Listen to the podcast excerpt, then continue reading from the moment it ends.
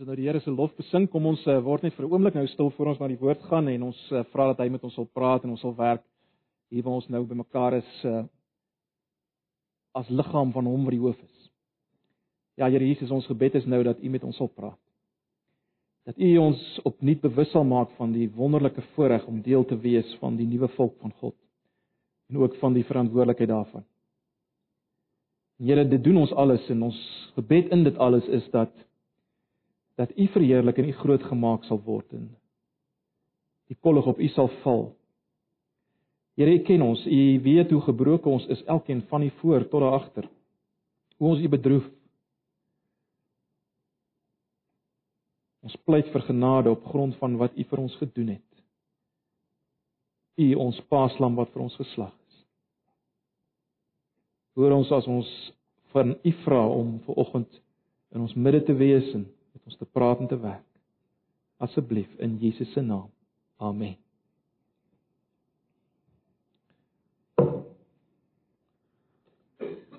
Ja broers en susters, omdat dit volgende 'n uh, hertoewyding is, gaan ons bietjie afwyk van ons uh sistematiese studie, studie van die boek 1 Petrus.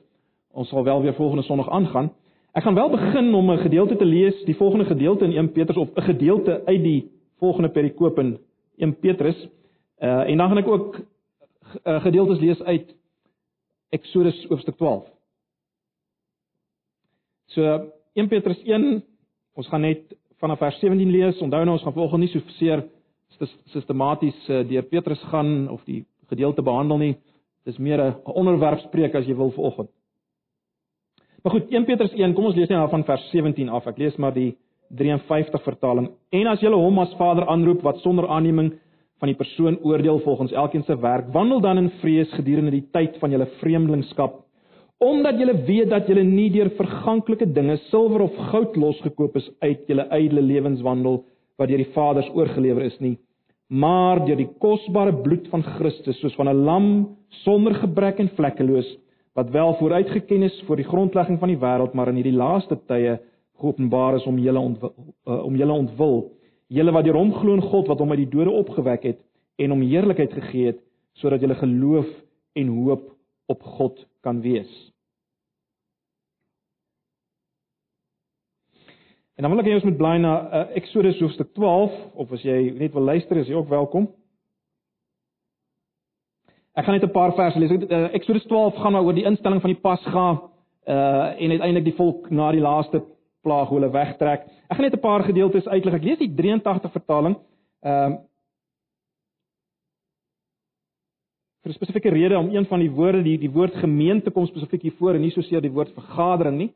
Uh en ek dink dit dit help ons dalk om om net die verband te sien. Maar goed, ek gaan net 'n paar verse uitlig uit Eksodus 12. Kom ons kyk net na vers 3. Ehm um, waar die Here vir Moses sê sê vir die hele gemeente van Israel, elkeen moet sorg dat hy op die 10de van hierdie maand 'n lam vir sy gesin en vir elk 'n uh, uh, lam vir sy gesin het vir elke huisgesin een. En dan vers 5. Dit moet 'n jaar oud rammetjie wees sonder liggaamsgebrek, 'n skaap of 'n bok. Julle moet hom goed oppas tot die 14de van hierdie maand en dan moet die hele gemeente van Israel teen laatmiddag slag. Vers 7: Julle moet van die bloed smeer aan die sny uh, aan die sykante en die bokant van die deurkusyn van elke huis waar julle die lam gaan eet. Vers 12: Daardie selfde nag sal ek deur Egipte gaan om al die eerstlinge van die Egiptenaars, mense en diere te tref.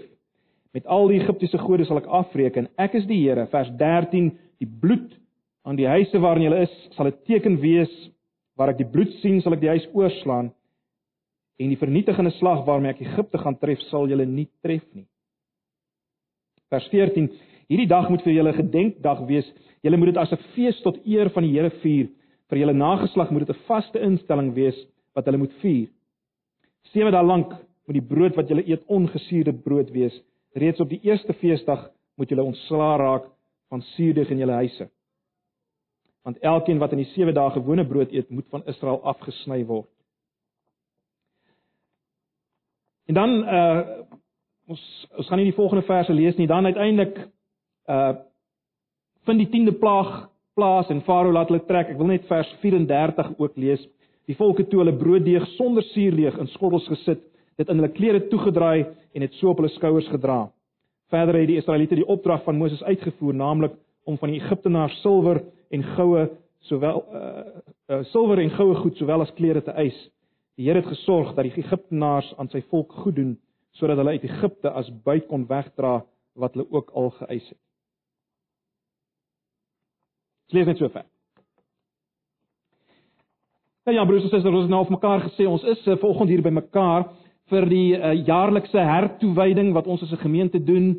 Uh, 'n uh, Geleentheid waarbye waardeur elkeen van ons sê ek is deel van hierdie plaaslike vergestalting van Jesus se liggaam. Ek is daarvan deel en ek wil daarvan deel wees.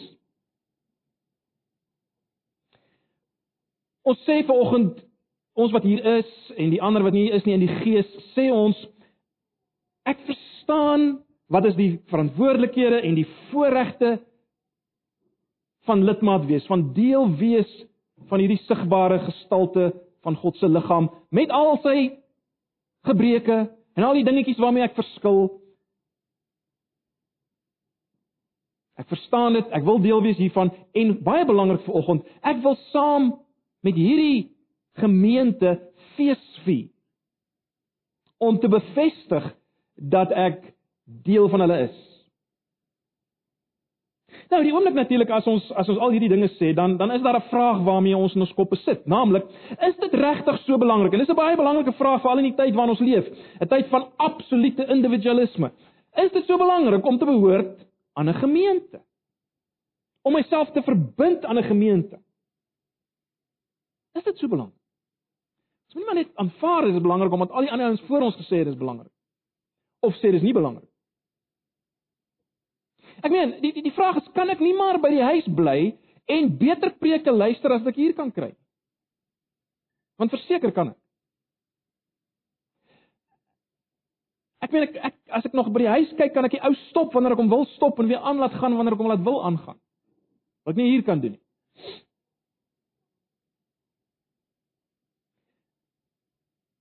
Ek op my eie by die huis is, hoef ek nie saam te wees met Christene wat my eh, maar net teleurstel en seermaak nie. Ek hoef nie saam met hulle te wees nie.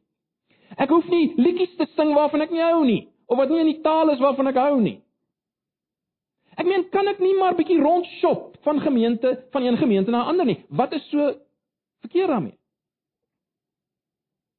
Nou, om hierdie vraag te beantwoord, wil ek eers met 'n ander vraag beantwoord. En dit is die vraag: Sou 'n Israeliet na die 10de plaag dink mooi daaraan. Sou 'n Israeliet na die 10de plaag hierdie vraag vra: Moet ek regtig deel wees van hierdie volk? Kan ek nie maar op my eie die pas gevier en op my eie uh ongesuurde broodjies eet nie. Kan ek nie maar op my eie donkie klim en die woestyn invaar nie?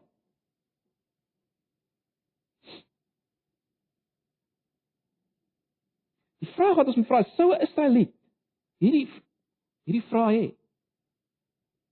Maar miskien sê jy, "Wag, Jakobus, maar uh kan ons wat met Israel gebeur op ons van toepassing maak? Hoekom hoekom praat jy oor Israel? Ons is ver van Israel af." Wel, my antwoord is ons kan en ons moet dit wat met Israel gebeur het op ons van toepassing maak. En dis waar 1 Petrus inkom. Ons het al vir mekaar gesê dis presies wat Petrus doen in 1 Petrus. Petrus hanteer die heidene wat op bekering gekom het hanteer hy as Israel, as God se volk. Hy gebruik al die terme wat vir die volk gebruik word vir hierdie mense. Ons wil kyk, hy hy praat van hulle al in vers 1 as die uitverkorenes. Dis die term wat vir Israel gebruik word. Hy praat van hulle as verstrooides. Dis die term wat gebruik word vir Israel na hulle in ballingskap was. En hy praat van hulle as vreemdelinge. In in vers 1 van van Hoofstuk 1 en ook hier in in vers 12 wat ons gelees het, uh word daar verwys na julle vreemdelingskap. En dis natuurlik wat Israel was. Uh ons het nie 'n tyd vanoggend om om daarna te uh verwys nie, maar dwars deur die Ou Testament uh word God se mense Israel so gesien as vreemdelinge. Uiteindelik uh nadat God hulle verlos het na hierdie na die Pasga waarvan ons nou gelees het, nadat God hulle verlos het, uh trek hulle deur die woestyn op pad na 'n beloofde land. Met ander woorde, hulle is weer mense wat nie eintlik hoort waar hulle is nie. Hulle is as te ware weer in 'n sin vreemdelinge. Hulle was dit in Egipte ook en nou is hulle op pad na 'n uiteindelike land. Hulle is op reis. En daardie beeld, weet julle, ons het ons daaroor gepraat toe ons op die boek Eksodus gedoen het. Dis die beeld wat die wat die res van die Bybel toepas uh ook op ons as kinders van die Here. Ons is op reis, op pad na 'n ewige vaderland. So die ooreenkomste is duidelik. En dan natuurlik eksplisiet, en julle ken al die gedeelte. In 1 Petrus 2 vers 9 tot 10 gebruik Petrus presies die woorde wat aan Israel toe hulle nou uiteindelik deur die woestyn getrek het en by die berg Sinai gekom het en die ou verbond met hulle uh gesluit is. Presies daardie woorde gebruik Petrus vir vir die gemeente. Hy pas dit toe op die gemeente. Hy sê dit vir die gemeente. Luister net weer. Hy sê vir die gemeente of gemeentes: "Julle is 'n uitverkore geslag, 'n koninklike priesterdom, 'n heilige volk, 'n volk as eiendom verkry om te verkondig die deugde van hom wat julle uit die duisternis geroep het tot sy wonderbare lig. Julle wat vroeër geen volk was, maar nou die volk van God is." Dis heidene hoor. Nou die volk van God is aan wie toe geen barmhartigheid bewys is nie, maar nou bewys is. Baie duidelik. Maar is nie net in Petrus nie. In Galasiërs 6 vers 16 word die Christene genoem die Israel van God. Die Israel van God. In 1 Korintiërs 5 vers 7, ons sal net nou ook na daai gedeelte kyk. Praat Paulus uh, met die gemeente oor die belangrikheid van uh, dissipline in die gemeente en dan dan spreek hy aan as mense vir wie hulle paaslam geslag het. Dis dis dis daarom wat uit Eksodus uitkom vir Israel gebruik. Hy praat met mense wie se paaslam geslag is. So, ek dink julle sal my saamstem ons kan ons kan en ons moet Israel gebruik as 'n voorbeeld as ons die vraag kan beantwoord kan ons maar op ons eie aangaan. Het ek nodig om deel te wees van 'n gemeente? Ons kan en ons moet kyk na Israel. En daarom wil ek hê ons moet kyk uh na dit wat gebeur het in hierdie gedeelte waar die die pas geïngestel is. 'n Paar waarhede, 'n paar dinge wat daarna vore kom wat vir ons kan help in ons denke oor oor gemeente wees. En die eerste ding wat ek wil hê ons moet na kyk, as julle die raamwerk hier voor julle het, sal julle dit sien. Ek wil hê ons moet kyk na die feit dat die die volk of dan die gemeente, as ons sê ons is nou die volk, Ek wil ons kyk na die volk of die gemeente as eersgeborene. Die volk of gemeente let wel as eersgeborene. Ons almal weet dat die laaste plaag die dood was van die eersgeborenes, né? Nee. Uh ons lees ook in vers 12 uh hiervan. En die Pasga en die bloed aan die deur het juis die eersgeborenes van Israel beskerm van hierdie plaag. Watter plaag? Die dood van die eersgeborenes. Dis waarvan die bloed hulle beskerm het. Maar hoekom lees klem daar? Wat, wat gaan wat gaan hier aan? Dit is baie belangrik om te dink aan aan iets wat vroeër in Eksodus voorkom. Luister na Eksodus 4. Jy hoef nie nou daarna te blaai nie. Luister maar net. Ek lees eers die 83 vertaling. In Hoofstuk 4 vers 22 uh sê die Here vir Moses: "Dan moet jy vir die Farao sê: So sê die Here: Israel is my oudste seun." Dit is interessant. Ek dink dan net weer ook aan 1 Petrus waar waar Petrus God ons Vader noem. Hy praat van die wedergeboorte ensovoorts. Baie familiebeelde, maar goed. Kom ons gaan aan in Eksodus 4 vers 23. Ek het vir jou gesê, so dis moet is nou wat hy vir vir Farao moet sê. Ek het vir jou gesê, laat my seun gaan sodat hy my kan aanbid. Maar jy, dis nou Farao, het geweier om hom te laat gaan en nou gaan ek jou oudste seun doodmaak. Die letterlike vertaling klink so: Dan moet jy vir Farao sê, so spreek die Here, my eersgeborene seun is Israel. Daarom beveel ek jou, laat my seun trek dat hy my kan dien, maar jy het geweier om hom te laat trek. Kyk, ek sal jou eersgebore seun laat sterwe. En dit is baie belangrik wat ons hier sien. Baie baie belangrik vir ons wat vanoggend hier sit. Wie is verlos uit Egipte uit? Moses, Aaron, hier 'n Israeliet, daar 'n Israeliet? Nee.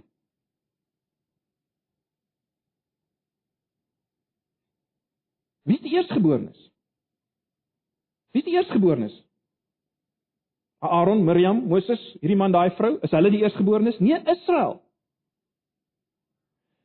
Die volk as volk was God se eerstgeborene. Ons moet dit baie ons moet ons moet dit raak sien. God praat van die volk as 'n geheel as sy seun, nie van individue nie. Hy praat van die volk as geheel, dis sy seun. Hy volk is sy seun. Wat hy gekies het. Sy sy uitverkorene. Let wel nie omdat hulle so getrou was omdat hulle so oulik was nie, maar omdat God natuurlik 'n eed aan Abraham beloof het. 'n Belofte aan Abraham gemaak het dat hy vir hom en sy nageslag 'n God sal wees. Maar goed, die volk as volk is God se eerstgeborene en daarom moes die volk, die hele volk, 'n jaar oud ram sonder liggaamsgebrek slag teen die middag. Eksodus 12 vers 6b wat ons gelees het. Jy sien daar was nie sprake hier van 'n individuele saak nie. Nie sprake daarvan. Wie behoort aan die Here? Wel die eerstgeborene. Ons sien dit ook in hoofstuk 13 van Eksodus. Maar wie is die eerstgeborene? Wel die eerstgeborene is Israel. Nie hierdie ou of daai ou of daai ou nie. Dis Israel is die eerstgeborene. So die eerstgebore Israel behoort aan die Here deur verkiesing en is duur gekoop deur God. Eerstgeborenes moes sterf vir die eerstgebore Israel as geheel. En jy as 'n individu, as jy as individuele Israeliet het met ander woorde behoort aan hierdie diergekoopte eersgeborene. En daarom as jy besef het, dink net daaraan, as jy besef jy behoort aan hierdie diergekoopte eersgeborene, hoe op aarde sou jy jouself wou los sien? Hoe op aarde sou jy jouself wou los sien van hierdie eersgeborene, hierdie diergekoopte eersgeborene? Dit is ondenkbaar. Maar broers en susters, dieselfde geld vir ons. Vir wie is Jesus die paaslam geslag? Wel, Efesiërs 5 vers 25 sê dit. Hy het sy bloed vir die gemeente gegee, die vergadering, die nuwe volk. Die gemeente is God se eersgeborene. So dis baie belangrik. Dis die eerste ding wat ons moet vat volgens. Die gemeente is God se eersgeborene. Saam. 'n Volgende belangrike ding wat ons moet raak sien in hierdie gedeelte is dat God is die volk of die gemeente se regter en verlosser. Dis wat ons hier sien, God was die volk se regter en verlosser. Ons het al baie hieroor gepraat, die regter en verlosser van Israel was dieselfde persoon. Dit was God wat deur Egipte getrek het om die eerstgeborenes van Egipte te oordeel en dit was God wat die huise van Israel beskerm het. Dieselfde God. En daarom het ons al vir mekaar gesê ons moenie God die Vader en of laat ek so sê, ons moenie God die Vader as die regter sien en die Seun as die verlosser en hulle staan as te ware teenoor mekaar nie. Dis dieselfde, dis een en dieselfde God wat deur Christus ons vir homself verlos, ons as 'n gemeente verlos. Dis baie baie belangrik. Ek sê dit weer, ek het al baie gesê, aan die kruis was daar nie drie partye nie. God aan die een kant, mense aan die een kant, toe kom Christus tussenin en hy verlos ons van God se oordeel nie. Nee, daar was net twee partye, God aan die een kant en ons aan die ander kant. Ons word ons word verseker verlos deur God die Seun, maar dis dieselfde God, dis God die Seun, né? Dis baie belangrik. God die Vader voltrek die oordeel oor God die Seun. Maar is steeds een God God bring die oordeel oor homself om ons te bevry. Jesus is nie 'n derde los persoon wat ons kom verlos, individu nie. God self. Baie baie belangrik. Maar maar goed, die punt nou is dit.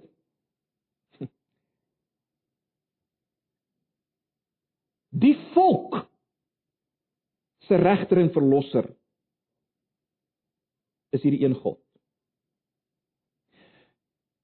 En die punt wat ek wil maak is dit geen Israeliet geen Israeliet sou daarop aanspraak gemaak het dat dat God is net sy regter en net sy verlosser nie. Dit is ondenkbaar. God is net my regter, my verlosser. Nee. God is die volk se regter en verlosser. Dis wat wat dis wat hier gebeur het. Dis wat hier gebeur het. En dit bring my by 'n derde punt, 'n derde punt.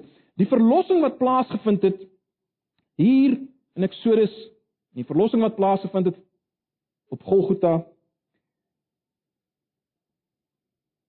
het plaasgevind deur plaas ver, vervang of kom ek stel dit baie duidelik, verlossing vir die volk is deur plaas vervang. Ons het nou gelees die hele volk moes 'n eersgebore ram laat sterf. Jy sien sonder plaas vervangende dood was daar geen verlossing vir die eersgebore Israel nie. Baie belangrik. En dit let wel daar steeds geen verlossing sonder plaas vervanging. Ook nie vir ons nie. Nou baie interessant is die feit dat ons het nou klem gelê op Israel as God se eersgeborene. En ons het gesien die hele Israel het 'n eersgeborene laat sterf in die plek van die volk.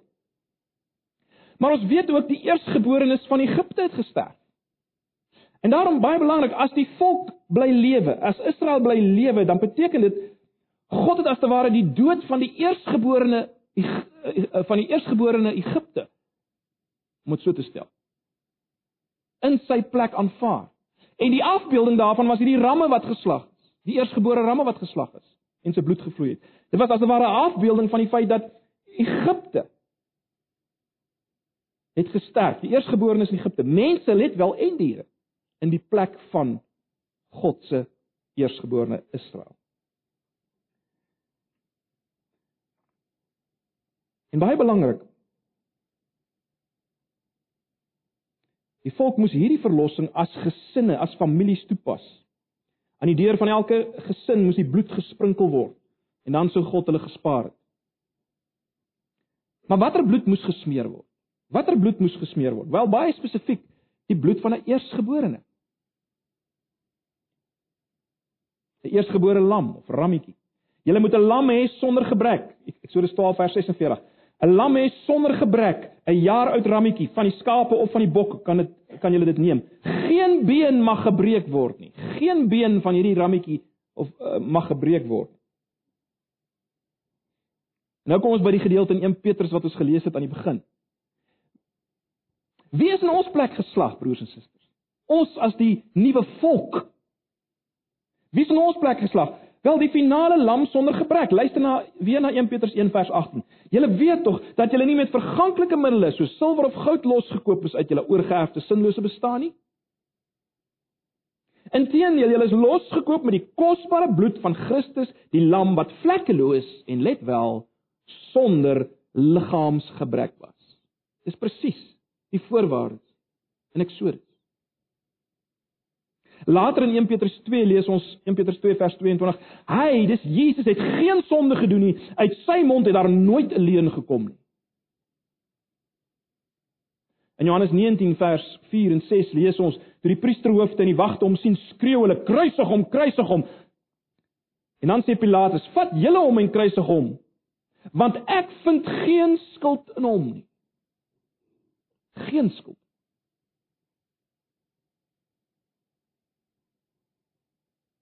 Baie interessant, ons het gesien geen been van die eersgeborene lam mag gebreek word in Eksodus 12 nie.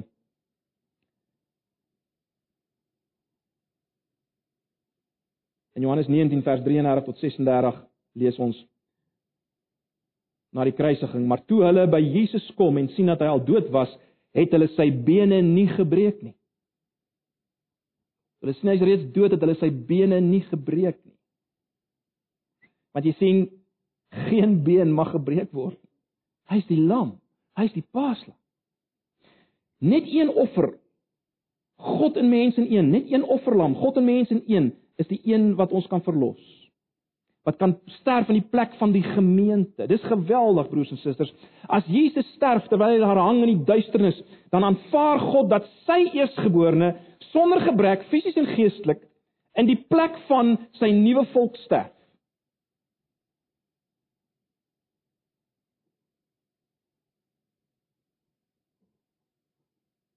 Dis geweldig. Jesus, God se eersgeborene, sterf in die plek van die gemeente wat nou sy eersgeborene is. Jesus word soos Egipte behandel in ons plek. En as Jesus opstaan as dit lig word die Sondag, dan basyn God dit uit. Ek aanvaar dit wat gedoen is. Ek aanvaar die oordrag. Toe Jesus sterf, het ons as gemeente uit God se oogpunt gesterf en toe Jesus opstaan, het ons as gemeente uit God se oogpunt opgestaan. Baie baie belangrik. En God sien ons nou as sy eersgeborenes sonder enige skuld. En dit is geweldig.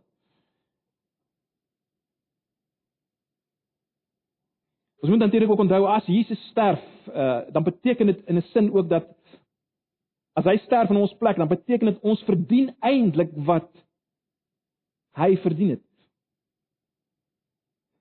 Of anders gestel, ons verdien eintlik wat Egipte verdien het. En ons staan skuldig aan dit waaraan Egipte skuldig staan, teen gestaan het, teenstand teen God, né? Nee uh, teenstand en en en en en, en verwerping van God se skepingsdoelwitte. Farao wat nie wou gehad het hulle moet vermeerder soos God dit wou gehad het nie. Ons staan skuldig aan al hierdie dinge. As ons sê Jesus is ons eersgeborene wat in ons plek gesterf het. Maar goed, baie belangrik. God moes hierdie bloed sien voordat die familie gered word. En wat sê dit vir ons? Dit sê vir ons broers en susters dat verlossing vind nie outomaties plaas nie dan moet 'n toepassing wees van dit wat gedoen is. Net soos dit net soos die bloed aan die deurkosyne gesmeer moes word, so nou nog moet ons persoonlik Jesus vasgryp, ons skuld bely. As te ware met leë hande aan hom alleen vashou vir verlossing deur die geloof. Dit moet toegepas word. Dit gebeur nie outomaties nie. Jy's nie outomaties deel van God se volk en dit wat God in Jesus, die eersgeborene van ons gedoen het, is nie van selfsprekend jou deel as jy dit nie vat nie, omdat jou pa of jou ma deel daarvan is. Selfs hier was dit nie so nie. Daar moes toepassing wees. Die bloed moes gesmeer word. Ek wil nie lank daarop uitbrei, maar dit is baie belangrik. En dan baie belangrik, die volk wat so verlos is, het nou behoort aan 'n aan hierdie nuwe gemeenskap, verloste gemeenskap en nou moes hulle fees vier. Baie belangrik. Hulle moes fees vier.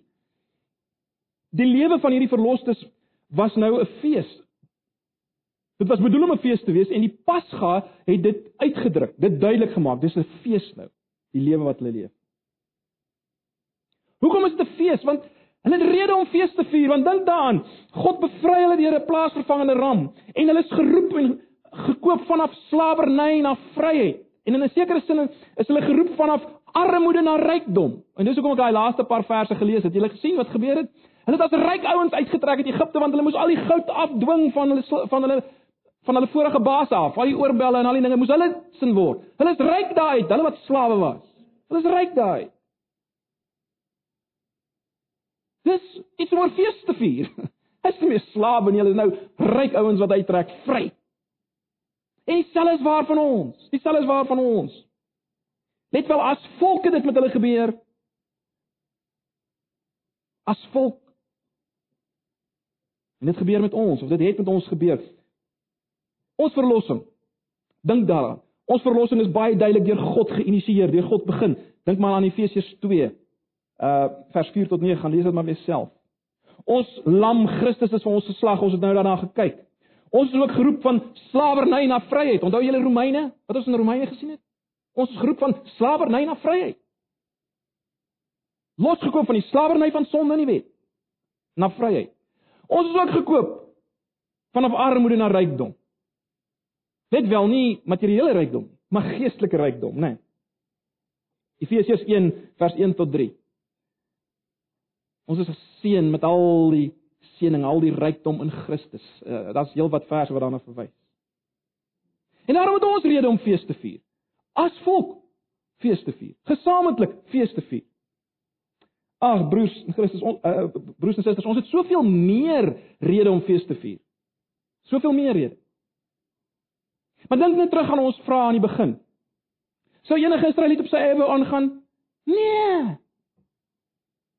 Hy wil saam fees vier met die volk. En jy as Israeliet was net veilig en onder beskerming en leiding van die Here solank jy deel was van die volk. Daar was geen manier hoe jy sou gelei word en beskerm sou word as jy op jou eie invoeter in die woestyn nie. Was geen waarborg nie. Die Here het sy volk beskerm. Nie individue nie. Volk as volk. Hy het nie individuele Israeliete deur die woestyn gelei nie. Punt. In die Nuwe Testament is dit nog duideliker, die beeld van die liggaam. Ek meen, liewe aarde, jy kry nie so iets soos 'n oog wat op sy eie oorleef nie. Jy kry nie so iets soos 'n vinger wat op sy eie rondspring nie. Dis belaglik. Dis belaglik. Dis wat ons moet raak sien vanoggend. Ons weet dit, ons moet dit weer raak sien. En dan net laastens, broers en susters, die die Pasga was 'n voortgaande verantwoordelikheid. Dit was so gewees in Eksodus. En is nou nog so. Dit is baie interessant. Ons het gesien dat hierdie Pasga moes 'n blywende invloed gehad het op die volk, ook as hulle nou uitgetrek het in die woestyn op hierdie pelgrimstog. Baie interessant. Hulle moes die die brooddeeg sonder suurdeeg moes hulle in klere toemaak en op hulle skouers sit. Hulle moes dit in skottels sit, toemaak met klere en op hulle skouers sit. Hulle moes gedurig as te ware herinner word aan die feit dat hulle haastig uit Egipte uit uitgetrek het. So dit het, dit het altyd 'n impak op hulle gehad. Hulle verlossing. En nou is dit interessant. Wat ons lees in 1 Korintiërs 5 vers 7 tot 8. 1 Korintiërs 5 vers 7 tot 8. Jy kan dit of naslaan of net luister.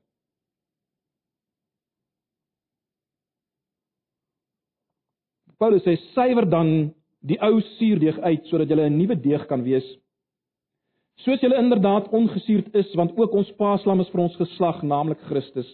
Laat ons dan fees vier, nie met die ou suurdeeg of met die suurdeeg van ondeeg en boosheid nie, maar met die ongesuurde brode van reinheid en waarheid. Ek het julle my brief geskryf om nie met oorreders om te gaan nie. Dit wil sê nie die nie die oorreders van hierdie wêreld of die gierigaards of rowers of afgodienaars in die algemeen nie. Want dan sou julle die wêreld moes moet uitgaan. Maar nou skryf ek aan julle om nie om te gaan met iemand wat al staan hy as 'n broeder bekend, 'n hoereder is of 'n gierigaard of 'n afgodedienaar of 'n kwaadspreker let wel of 'n dronkaard of 'n rower nie. Met so iemand moet julle selfs nie saam eet nie. Want waarom sou ek ook die wat buite is oordeel? Oordeel julle nie die wat binne is nie. Die wat buite is oordeel God. Verwyder tog die slegte mense onder julle uit.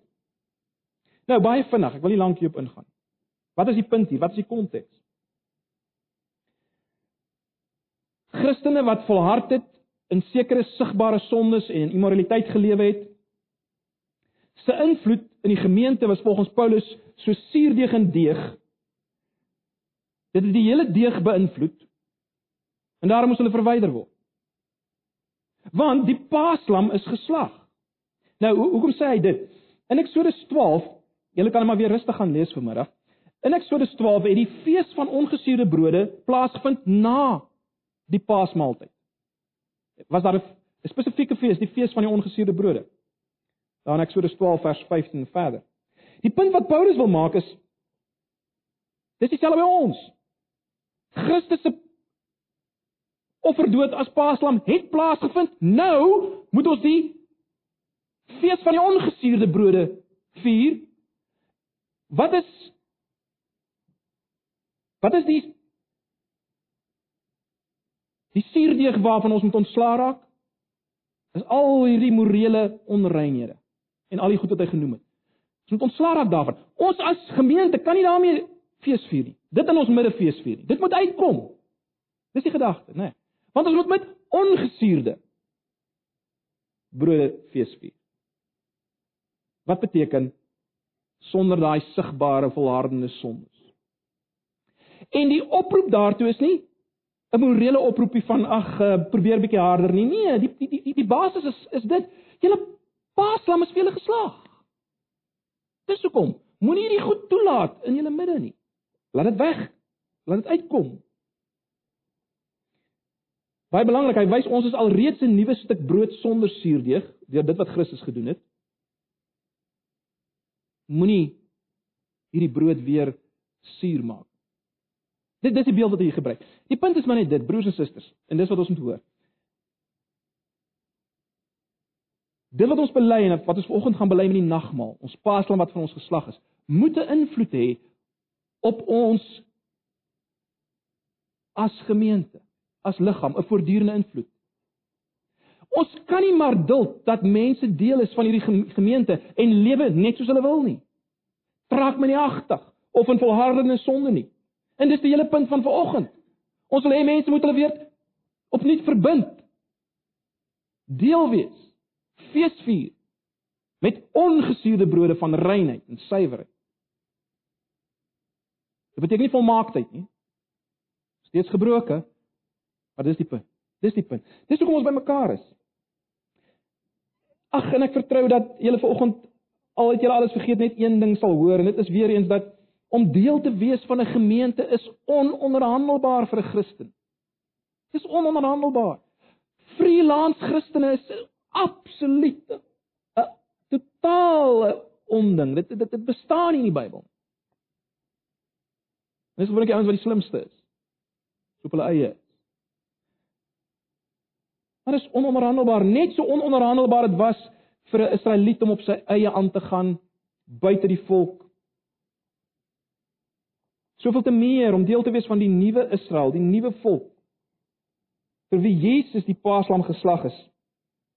Om los te staan van sy sigbare gestalte, soos dit sigbaar word in 'n gemeente, want dit help nie jy sê ek is deel van die onsigbare.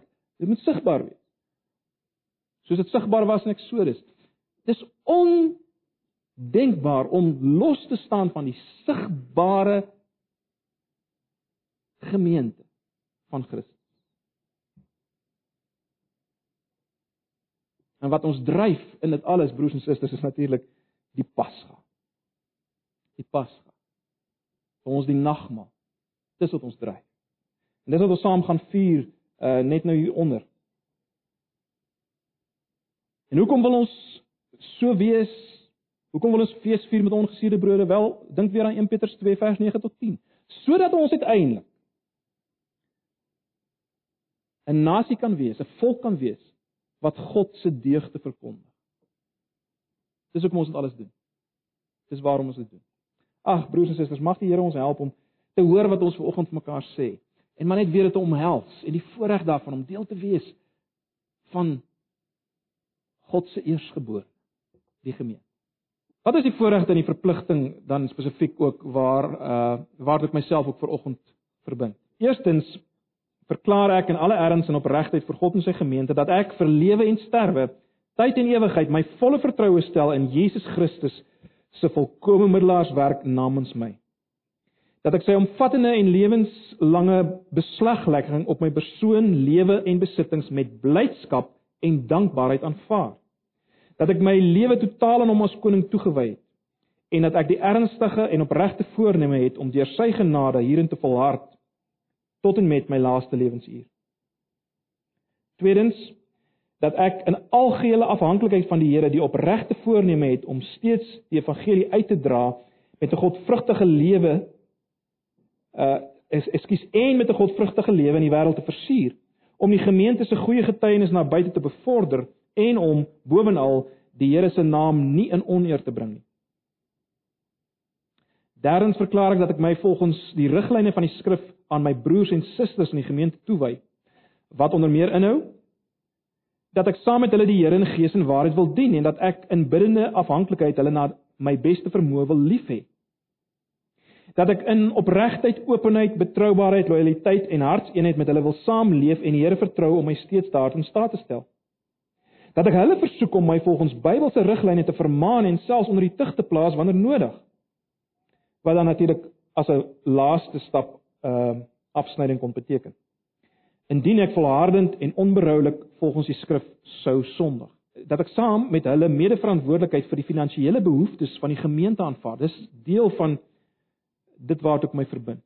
Soos die Here my in staat stel en ek persoonlik in verantwoordelikheid aan hom sal besluit. Geen wettiesheid hieroor nie. Dat ek die basiese byeenkomste, dit is steeds waartoe ek my toewy dat ek die basiese byeenkomste van die gemeente gedissiplineerd na my beste vermoë sal bywoon en my broers en susters op hoogte sal hou wanneer dit by geleentheid of oor 'n lang tydperk vir my onmoontlik is. Ons almal kan nooit altyd hier wees nie, maar is ons is deel van hierdie liggaam, so kom ons laat weet mekaar, luister ek is weg vir 'n paar weke of ek is siek of wat die geval mag wees. En dan vierdens, 'n vierde hoofpunt, baie belangrik, ek verklaar dat ek die gemeente se ouderlinge versoek om pastorale verantwoordelikheid vir my te neem. En baie belangrik dat ek ook van my kant hulle bediening sal opsoek wanneer nodig.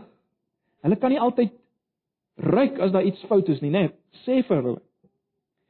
En dat ek my binne redelike en Bybelse perke onderwerp aan hulle leiding en inspraak in soverre dit my lewenswandel, my verhouding met die Here en medegelowiges as ook my getuienis teenoor die wêreld raak. Ek ek stem daartoe in dat hulle inspraak kan hê.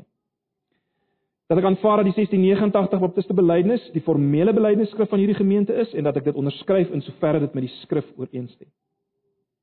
Sestens verklaar ek dat ek so gereeld as moontlik die nagmaal saam met my broers en susters in hierdie gemeente sal vier. En na vanoggend behoort ons te weet hoekom. As 'n herbevestiging van my eenheid met Christus, sy gemeente en sy evangelie waarheid en dat ek die vaste en opregte voorneme het om die implikasie daarvan steeds uit te leef. En laastens, sewende punt, verklaar ek dat ek dit so gou as moontlik met die ouderlinge sal opneem indien ek nie meer in integriteit hierdie toewyding kan onderskryf en uitleef. Broers en susters, dis waartoe ons onsself verbind. Natuurlik het ons ook 'n visie en missie. Ek gaan dit nie nou aan julle voorhou nie. Dit is ook beskikbaar. Uh en ons visie en missie is in kort maar net dit om om as deel van die liggaam van Jesus as Jesus se verteenwoordigers op aarde die koninkryk van God laat sigbaar word en in hierdie wêreld in te beweeg soos Jesus. Met ander woorde, alles wat ons doen en waarmee ons besig is, is hierdie missionêre dimensie. Ons wil ander aanraak met die evangelie en intrek. Uh en en dis ook waarvoor ons as gemeente staan. Dat ons gestuur is soos Jesus in hierdie wêreld in om hom uh, om die koninkryk van God sigbaar te maak. Kom ons bid saam. Ja Here baie baie dankie vir u woord. Dankie vir die voorreg om te kan deel wees van u nuwe volk as u eersgeborene. Kosbaar. Uitverkore. Eer u daar. Ons dankie daarvoor. Nag Here, ons gee ook nou die die res van vanoggend vir U. Verheerlik U self ook as ons die nagmaal gaan vier. En sigbaar as te ware weer gaan sien en gaan vat en gaan proe dat dit dit net so seker vir ons gebeur. U wat vir ons geslag asseblief. Ons vra dit in Jesus se naam. Amen. Ek wil graag vir julle net die tweede vers voorlees. Hy roep uit alle volke 'n volk vir hom te saam, een in geloof en werke, een in sy heilige naam. Hy gee die brood en beker, hy gee die heilige doop om hulle te verseker ek het julle duur gekoop. Thank you.